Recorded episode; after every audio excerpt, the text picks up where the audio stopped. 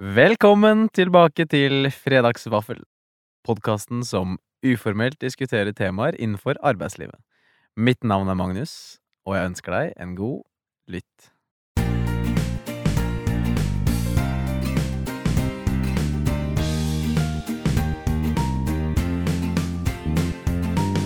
Dagens gjest hevder å være kanskje verdens største fan av Michael Scott, Dwight Schrute og resten av gjengen i The Office. Til tross for sine unge 27 år eh, har han nesten ti års erfaring fra Forsvaret, herunder befalsskolen og krigsskolen med finans i nyere tid. Han var årets konsernsjef i Adecco-gruppen, i Norge da, for juni måned. Likevel er hans største prestasjon så langt i livet å se syv sesonger av Game of Thrones på én uke. Dette var sånn skoleuke hvor det var undervisning fra åtte til fire. I januar flytter han til Paris for å ta en master i Business Administration. Hjertelig velkommen, Sigurd Longva. Takk for det, Magnus. Alt eh, vel? Ja, alt veldig bra. Ja. Eh, driver og jobber på, og så prøver å skaffe seg leilighet og litt sånn før jeg flytter til Paris. Ja. Så litt adming. Ja, men ok, først av alt Paris. Veldig kult, da. Hvorfor valgte du det? Nei, jeg har alltid visst at jeg kom til å studere i utlandet på et tidspunkt. Jeg har hatt lyst til det. Så, um, og nå passa det egentlig ganske, ganske så bra. Mm. Et lite karriereskift eh, står for tur, da. Så det blir veldig spennende. Så er det det å, ja Ut av komfortsonen og ut av eh, Ja, møte nye kulturer. da. Ja, det, ja det, det høres veldig gøy ut. Sånn eh, ble gira da du sa at du skulle Ja, jeg gleder meg Til helt, Paris, ja. gleder meg helt sykt. Så det blir veldig bra. Sigurd, i Fredagsvaffelen så har vi da tre raske for å bli enda litt bedre kjent med deg. To spørsmål er eh, standard, og et dilemma som du får servert live, da. Right, bring it on. Yes. Um, og nummer én er da hva spiser du på vaffelen din? Jo, jeg er jo fra Eller har bodd i Moss store deler av livet, Mm. så det blir jo pølse i vaffel. Selvfølgelig blir Så, det blir jo, så er jo stor diskusjon da hva man skal ha til pølse i vaffelen. Men uh, det er i hvert fall pølse. Men er det digg? Altså, nå ble, høres jeg kanskje helt ukulturell ut, som ikke har uh, smakt det. Det er faktisk ganske digg, og så er det et eller annet med med en gang du spiser en pølsevaffel, så tenker du tilbake til de der uh, fotballcupene fra du var yngre, Ja, i. Mossehallen og litt sånn der. Så Så det er nostalgisk, nesten. det er det også. Ja. Så, er det jo, så er det jo digg. Men har du noe oppå, da? Det er det som er den store diskusjonen da, Ja. internt. Hva skal du ha oppå? Og noen sier ketsjup, noen sier uh, syltetøy. Jeg sier ja takk, begge deler. Og det er kanskje Ja. det sykeste med det. Så eh, Nei, hvorfor ikke? Ja. Dæsken. Ja. Sprø vaffel eller mykere vaffel? Nei, jeg liker sprø, ja. Ja, alle liker sprø. Det er sprøtt. um, neste. Hvis du kunne spist vaffel med hvilken som helst person, død eller levende, hvem vil du helst spise med?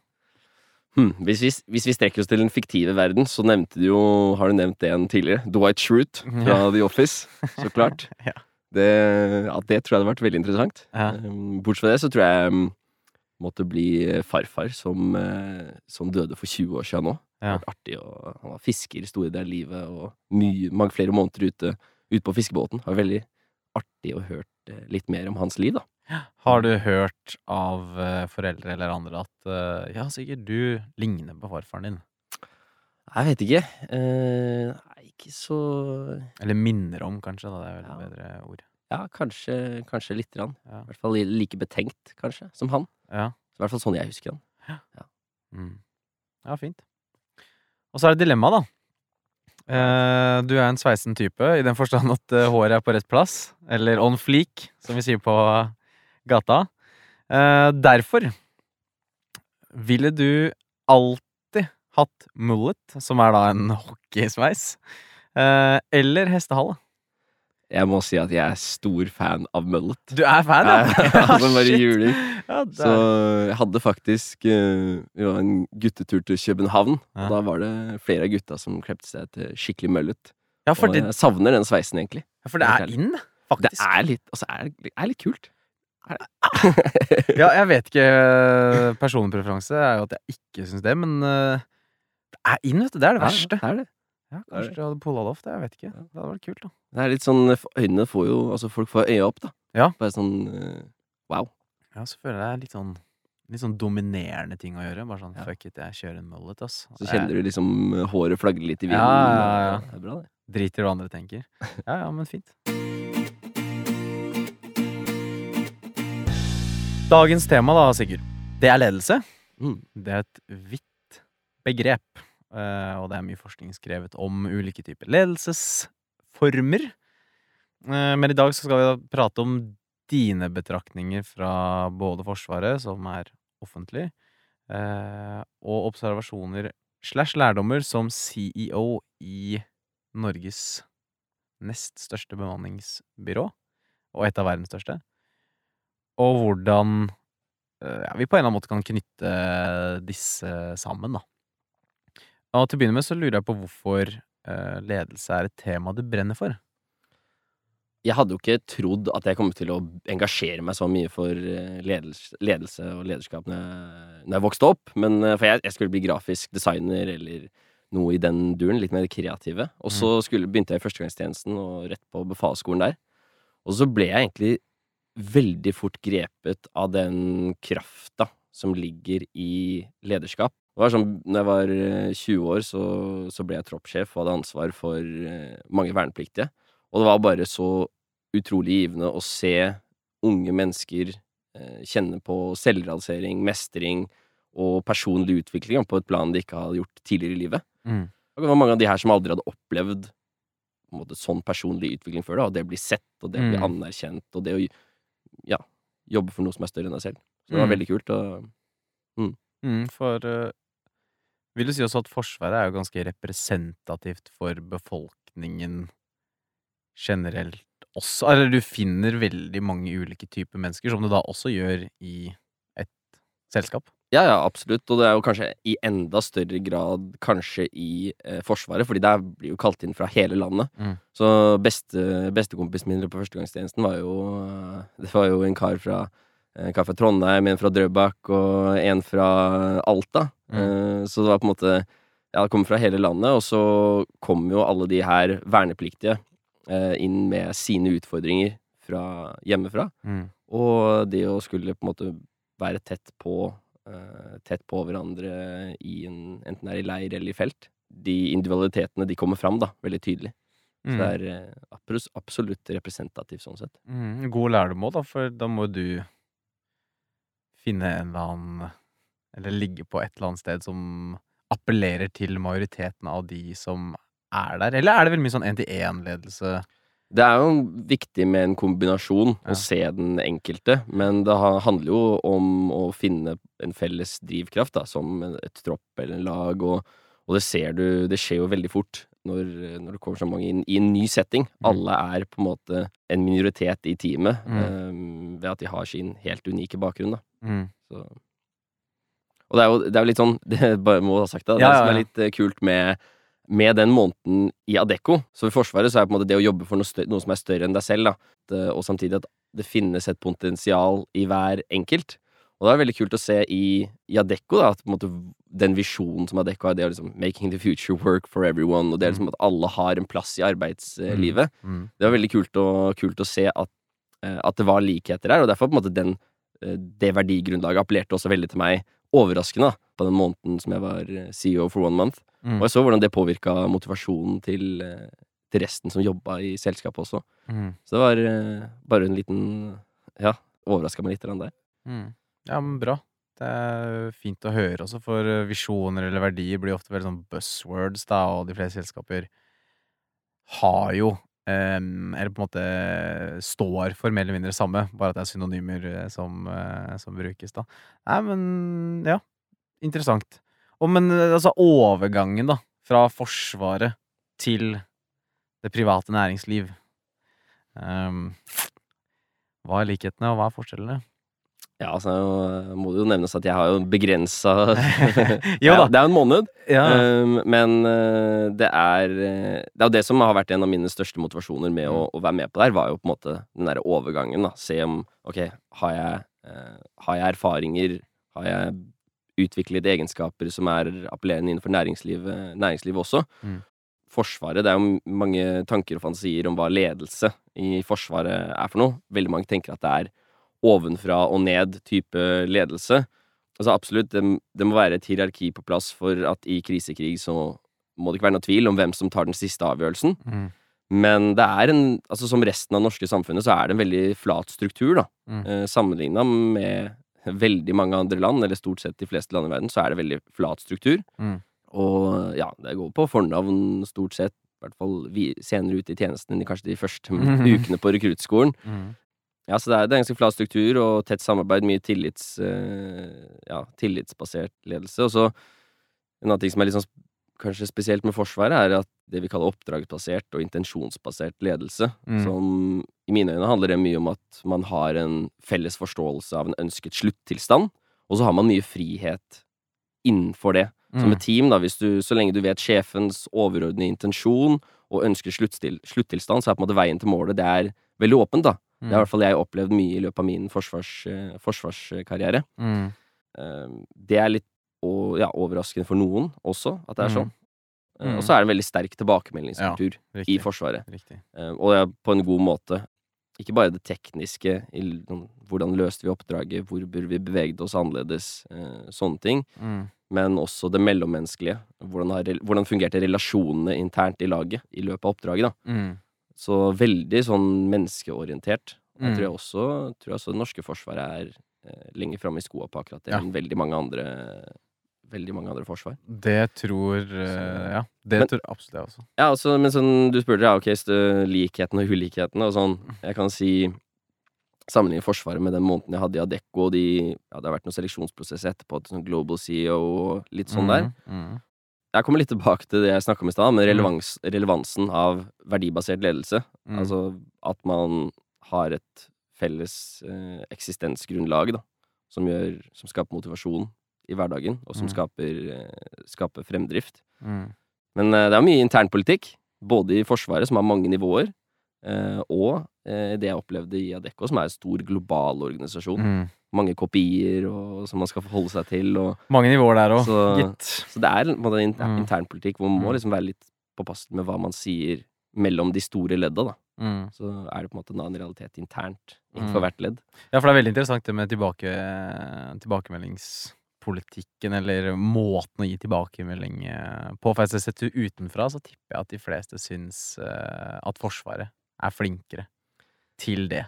Ja, så får du på en måte indo- indoktrinert det der med at du skal være veldig direkte i tilbakemeldingene. Og, øh, men jeg tror man skal være litt uh, forsiktig også, da. Mm. Men, uh, jeg tror de fleste setter pris på å, å få det rett ut, men så alltid på en god, med en god tone. Ja, uh, jeg er helt enig med deg. Jeg tror ikke de fleste setter pris på det, men de fleste bør høre det. Og så går det kanskje litt tid, og så får de reflektert rundt det, og så er det ja. Og så tenker jeg tilbakemelding til, er ikke noe neg altså, Da snakker jeg om fokus på utviklingsområder. Nemlig. nemlig. Og, det jo, og det å jakte tilbakemeldinger sjæl Mm. er også en stor del av tilbakemeldingskulturen. Mm. Det å ville utvikle seg. Mm. hadde en uh, ledelseslærer på krigsskolen som het Christian Firing. Mm. Som jeg må ha litt sånn name-drop på. Ja, gjør det. Gjør som, det. eh, han eh, snakket om det her med tilbakemeldinger som gaver, da. Hun var Ja. veldig sånn indoktrinert til det hos oss. Det er eh, hvor stor gave det er å både gi og få en tilbakemelding. Så det, det Ja, for tenk hvis ingen av de får tilbakemeldinger, da. Ja, Da aner du jo egentlig ikke om det du gjør, Nei, nei. eh, det- er rett eller galt. Ja. Ja, vi kan ha en episode om det seinere. Ja. Men eh, ja, den største mm, forskjellen, da? Det som var det største for meg, var veldig forfriskende å ha en topplinje og en bunnlinje å forholde seg til. Mhm. Eh, og det er liksom sånn i, i Forsvaret, så vårt produkt, eller vårt output, da, eh, det er kampkraft, som vi kaller det. Ja. Det er sånn evne og vilje til å forsvare landet. Og det er sånn, ok, hvor mye evne og vilje har vi produsert den, Ja. dette kvartalet? Som et team eller en tropp, eller kampkraft i hvert enkelt Ja, individ? Jeg tenker liksom hele Forsvaret, da. Ja, sånn, altså, eller på alle nivå. Det er sånn, nettopp det. Altså på alle nivå. Altså, sånn, ekstremt vanskelig å kvantifisere hvor, mye, hvor mye evne og vilje til å forsvare landet har vi produsert i løpet av dette kvartalet. Riktig. Mens eh, hos Dekko så er det sånn Ok, du, ja, du har på en måte eh, de, de samfunns, eh, samfunnsøkonomiske målene, men på en måte det eh, Du har en topplinje og en bunnlinje, og Mm. hvis du kommer til en avdeling og sier at dere må, dere må levere bedre, og så kan de jo stille spørsmål til det. Så bare, ok, se her, dere taper penger. Mm. Du kan ikke være uenig om de grunnleggende prinsippene, om at her taper det penger. Mens i Forsvaret så kan man jo som leder, da man skal, Hvis man ønsker Ja. en, en forbedring hos en avdeling, så kan du være uenig om det grunnleggende, om man gjør det godt nok eller ikke. Mm. En avdeling kan jo mene ja, vi, vi leverer Vi, er, vi leverer mm, altså mye Et godt output, Ja. og så kan man være uenig om det, da. Ja. Sånn sett. Så jeg vet ikke om jeg fikk det tydelig fram, men det er, eh, det er kanskje litt sånn den største forskjellen jeg merka. Det var veldig forfriskende å ha Mm. og. Det var sånn han Torben, eh, som er som er konsernsjefen i, i Norden. Mm. Jeg husker spesielt en gang eh, det var noe, var noe konkurrent som holder på å miste, miste en kunde, da. Mm. Og da er han veldig tydelig på ok, de millionene skal jeg ha. Mm. Det er sånn, det er noe, det er ikke noe tvil om, da. Nei, Skal ha den sånn. kunden, og det skal kunne måles på topplinja. Riktig. Så det er ikke det, den kampkraften ja. der skal jeg ha. Nei, så det er, ja, det er veldig kult. Ja. Nei, men jeg syns det var tydelig. at Det er jo kvantifiserbart versus ikke, da, Ja, nettopp. på en måte. For å holde oss i uh, CEO-bobla, da. Du har jo åpenbart eh, vært gjennom en måned. Det er jo ikke så lang tid, som du har vært inne på selv, men allikevel nok til å forstå både verdigrunnlaget og se liksom purposen da, i de ansatte i Adecco. Hvilke, liksom, fra et ledelsesperspektiv, eller hvilke erfaringer i det hele tatt har du tatt med deg fra den måneden? Aller først, eh, så vil jeg si ganske mye. Eh, Ja. Men aller først vil jeg bare si at det har vært et veldig bra program. Det er sånn, jeg har lært veldig mye. Mye mer enn det jeg trodde. Ja. Så, Men for å avbryte deg bitte litt her, hvis, hva, hva trodde du på forhånd? Eller hva forventa du på forhånd? Jeg forventa at det skulle være litt mer eh, Litt mer gimmick, for å bruke det ordet. Ja. Altså litt, Ja, litt mer Ok, konsernsjef for måneden. Det, er, det, er ikke, det stemmer jo ikke helt det på mange måter, fordi jeg var på mange måter en observatør. Mm. Men jeg ble veldig overraska av hvor transparent det var. Mm. Altså, jeg fikk eh, fra dag én så ble jeg, ble jeg med Torben, sjefen, inn på, inn på et møte. Mm. Og så i løpet av det møtet så tok jeg meg selv og begynte å reise meg opp og tenkte ok, nå begynner det med litt sånn sensitiv. Nå skal jeg bare vise til Torben at jeg skjønner at jeg må gå. Ja. Og han bare peker på meg og peker ned i stolen. Ja. Og bare ok, jeg vet hvor det her eh, Nå skjønner jeg hvor lista ligger. Ja. Så det var eh, virkelig, virkelig kult. Så jeg ble veldig overraska hvor transparent det var. Og så kanskje den viktigste lærdommen min av fra å i stor grad observere Torben og hvordan han interagerte Mm, mm. med teamet sitt, med eh, nordiske teamet, med det norske teamet og, og eh, ja, flere ledd i organisasjonen, Mm. var å se at det var veldig interessant hvor godt han klarte å balansere det å være menneskeorientert og det å være resultatorientert. da. Mm. For meg så har jeg vært ok, er det sånn at det må være enten-eller?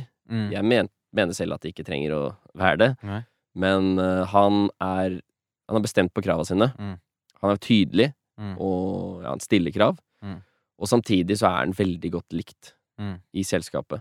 Og bryr seg veldig om ja, enkeltindivider. Og det er veldig tydelig. Ja. Så veldig, veldig Veldig artig for en som, en som meg, som ønsker å på en måte komme i en sånn situasjon selv, en sånn type stilling senere i livet, og, og se at det er faktisk mulig Mm. å være godt likt og være fokusert på mennesker, samtidig kreve, kreve resultater, da. Relasjonsorientert versus oppgaveorientert, ja. For, ja, for det er Hva slags Det her blir kanskje et uh, litt for stort spørsmål, da, men hva slags leder hadde du sett for deg at du kan være i framtiden? Nei, så jeg er veldig menneskeorientert. Ja. Og så tror jeg jo at Det er et veldig stort spørsmål. Så det, Ja, ja. Vi er veldig menneske... Bare siden vi var inne på det, ja, liksom. menneskeorientert, men jeg tror jo at det er på en måte den krafta du Hvis du klarer å legge til rette for et godt team, da, Mm. og en At det er transparent mellom eh, leder og resten av, resten av teamet, Mm. så byg, bygger man en tillit, og med tillit så er det lettere å stille krav, da. Mm. Og sånn tror jeg det har vært, er litt for, litt for Torben eh, også. Så jeg syns eh, Ja, ikke, det er en sånn type som Mm. setter menneskene først, og det gir mulighet til å stille krav, da. Mm. Så um, ja, en annen, um, en annen viktig lærdom er ja, tilbake på det her med verdier, da, Ja. egentlig. ja. Det at um, et eksistensgrunnlag i, til et selskap kan være så viktig, Ja. og faktisk um, ja, gi, resultater, da. Så det var veldig overraskende, og spesielt for meg som kommer fra Forsvaret, hvor verdigrunnlaget er veldig tydelig. Ja. Det er du skal forsvare fedrelandet, Ja. Og jeg tenkte ok, det finnes ikke noe kraftigere enn det, Nei. men så har du på en måte det i Adecco også som, eh, som er også veldig kraftig, da. Ja. eller i, i bemanningsbransjen generelt, kanskje, så er det Det er en purpose der Ja. som er ganske, ganske sterk. Har, gjorde du opp noen observasjoner, på en måte, underveis? Er det noen forbedringspotensialer? Det ville jo alle bedrifter i det ganske land vært eh, takknemlige for å høre, da. Ja, det er jo i hvert fall mine observasjoner, da. Så, Mm. Ja, det er de vi hører på i dag. Ja, Ja, Det, men det fra et ledelsesperspektiv, da, det syns var, syns var eh, ja, kanskje et forbedringspotensial. Mm. I Forsvaret så er jeg veldig vant til at hvis du går til sjefen din Mm. med et problem, Mm. med en utfordring, Mm. så eh, Eller en mulighet, hvis man vil kalle det det. Ja. Så kommer man Serverer man også et uh, forslag. En anbefaling, da. ja riktig. Mm. Så hvis du ser, kommer til sjefen din og han trenger å diskutere et eller annet, så bruker du Ja, kom med utfordringen, og så Mm. kommer du med en anbefaling basert på din, din kunnskap, din kjennskap. Mm. Og jeg følte at uh, ofte så um, Så var det mange som serverte en utfordring, et problem, til Torben, og så Mm. satt man på en måte og diskuterte det, så Kanskje lite effektivt, da, Mm. egentlig. Mm. Når det sitter mye kompetanse hos vedkommende som kommer med en utfordring. Så det å servere en utfordring med en anbefaling, det tror jeg er noe som jeg opplevde Mm. kunne vært eh, et forbedringspotensial Ja. fra mitt ståsted. Det er ikke bare et ledelsesteam eller konsernledelsen det, det er sånn. Den kan skrive under på. Uh, veldig, veldig interessant. Observ veldig interessant observasjon. Uh, og det tror jeg altså Norge generelt og næringslivet generelt kunne blitt mye, mye bedre på. Og så var du også inne på um, Global CEO for One Month. Du nevnte det så vidt eh, tidligere. Mm. For du har vært med på det også. Ja, det Ja. har bestått av en ja, slags seleksjonsprosess i løpet av juli. Ja, For det var rett etter eh, Ja, og litt ja. underveis også. Så det har vært eh, masse ja, oppgaver, caser, presentasjoner, eh, intervjuer, litt sånn forskjellig. Og Mm. så fikk jeg muligheten til å være med til Zürich, hvor var Ah. folk fra Chile, Thailand eh, ja, og Belgia, fra over egentlig hele verden, da. Mm. Ja, hvor vi skulle ja, konkurrere og bli global CEO for one month. Mm. Så nå ble ikke jeg det, men jeg gjorde jo mm, Nå gjorde jeg mange interessante lærdommer der også. Mm. Og det var mye, det var mye fokus på Temaet var autentisk lederskap. Ja. Og det er et veldig eh, Hva skal jeg si? Jeg syns det er litt sånn misbrukt begrep. Og mm, jeg tror Ja. Etter min oppfatning så er det ikke alle som snakker om det, som helt vet hva det, hva det innebærer. Men der var det veldig fokus på Altså det med autentisk Jeg opplevde at autentisk lederskap var liksom, Om du hadde en smart metafor, en smart anekdote, en smart analogi Mm. uh, når du presenterte at det var liksom en måte å vise autentisitet på. Mm. Eh, jeg vet ikke om jeg sa det riktig, men authenticity, i hvert fall. Ja, ja, ja. Ja, for meg så er det å være det å være autentisk i sitt lederskap handler mye om å vise sårbarhet. Mm. Og da går det enda litt dypere Ja. uh, å oppleve. Og at du tør å si til teamet ditt at hvis du har gjort en Hvis du har tatt en feilvurdering, Ja. og så Eller ikke levert godt nok, at man tør å si det, og så endre seg. Ja. Og da og det, Så det var en ting jeg opplevde kanskje litt eh, ulik kulturell oppfatning av hva som ligger i autentisk eh, lederskap. da. ja. interessant. Veldig interessant. Det er kanskje min største observasjon da, fra akkurat den. Ja, ja, ja. Og autentisk lederskap er eh, jo også et eh, begrep i eh, faglitteraturen til ledelse, så da har vi fått diskutere det, eh, det også. Men ja, Sigurd. Du har eh, åpenbart vært gjennom en god del selekteringsprosesser i løpet av eh, dette året, på bakgrunn av det vi har diskutert eh, tidligere. Og for CEO for en Month, for eksempel, så var det 140 000 søkere. I Norge litt færre, men fortsatt flere tusen. Ehm, og du har da konkurrert deg i tillegg inn på en svært anerkjent skole i utlandet, så kudos til det. Har du på en måte funnet en suksessoppskrift, hvis vi kan kalle det i gåseøyne, i en søknadsprosess? Altså bare sånn Når, når du sier det sånn som du sier det, så høres det jo helt, fan, eh, helt fantastisk bra ut. Eh, Men det er jo først og fremst Jo, jo, men det er jo det, og altså, jeg, jeg sier det på den måten, det er helt riktig. Eh, men må ta, det er jo lov å være stolt. Jo, ja, absolutt. Jeg er stolt over det. Men, så tror jeg, men det tror jeg også det er viktig å anerkjenne hva skal jeg si, flaks som en faktor også. Eller marginer er kanskje et enda bedre, enda mm. bedre ord. Mm. Men jeg tror eh, Jeg er veldig opptatt av i hvert fall uh, snakke om det også, det er at man må ha marginer på sin side. Mm. Av de som søkte CEO for one month, sannsynligheten for at Adecco fant den som passer absolutt best i den rollen, Mm. den ene personen, det er jo ganske liten. Og i Mm. hvert fall med liksom 140 000, ok, topp ti. Hva er sannsynligheten for at de traff, liksom fant ja, det de sier er topp ti, da? Ja. Så det er eh, Man må anerkjenne marginer. Det er veldig fort gjort litt sånn etterpåklokskapen å si at det her var min suksesshistorie. Mm. Det er kanskje litt for mange som gjør det, Mm. er min oppfatning, og kanskje er ærlig og litt sånn betryggende for folk som hører på, hører på det. At ok, jeg har vært, jeg har vært heldig Mm. også. Nei, men hvis man skal lese en bok om akkurat det, så er Malcolm Gladwell, 'Outliers', Ja.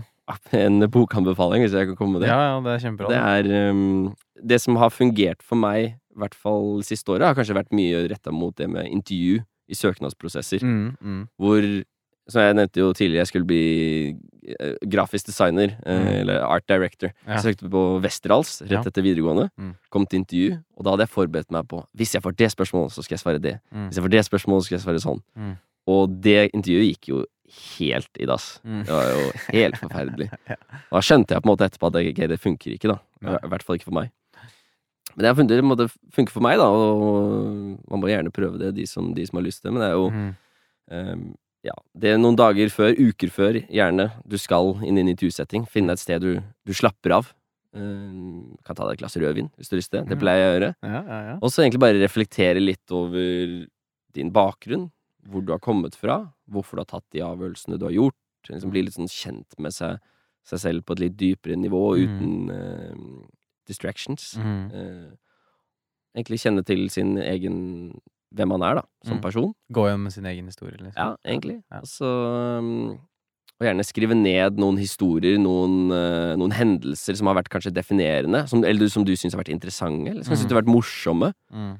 Uh, Spu sa jo at det er en i introduksjonen her Jeg syns det er artig at jeg har sett sju sesonger med Game of Thrones på en uke. Jeg synes det er gøy. ja.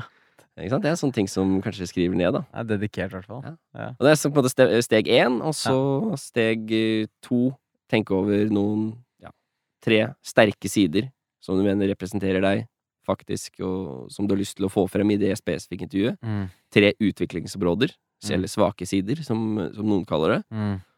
Og, så det er steg to. Og så steg tre, bare glemme, egentlig, den dagen du skal ha intervjuet. I hvert fall det jeg gjør, da.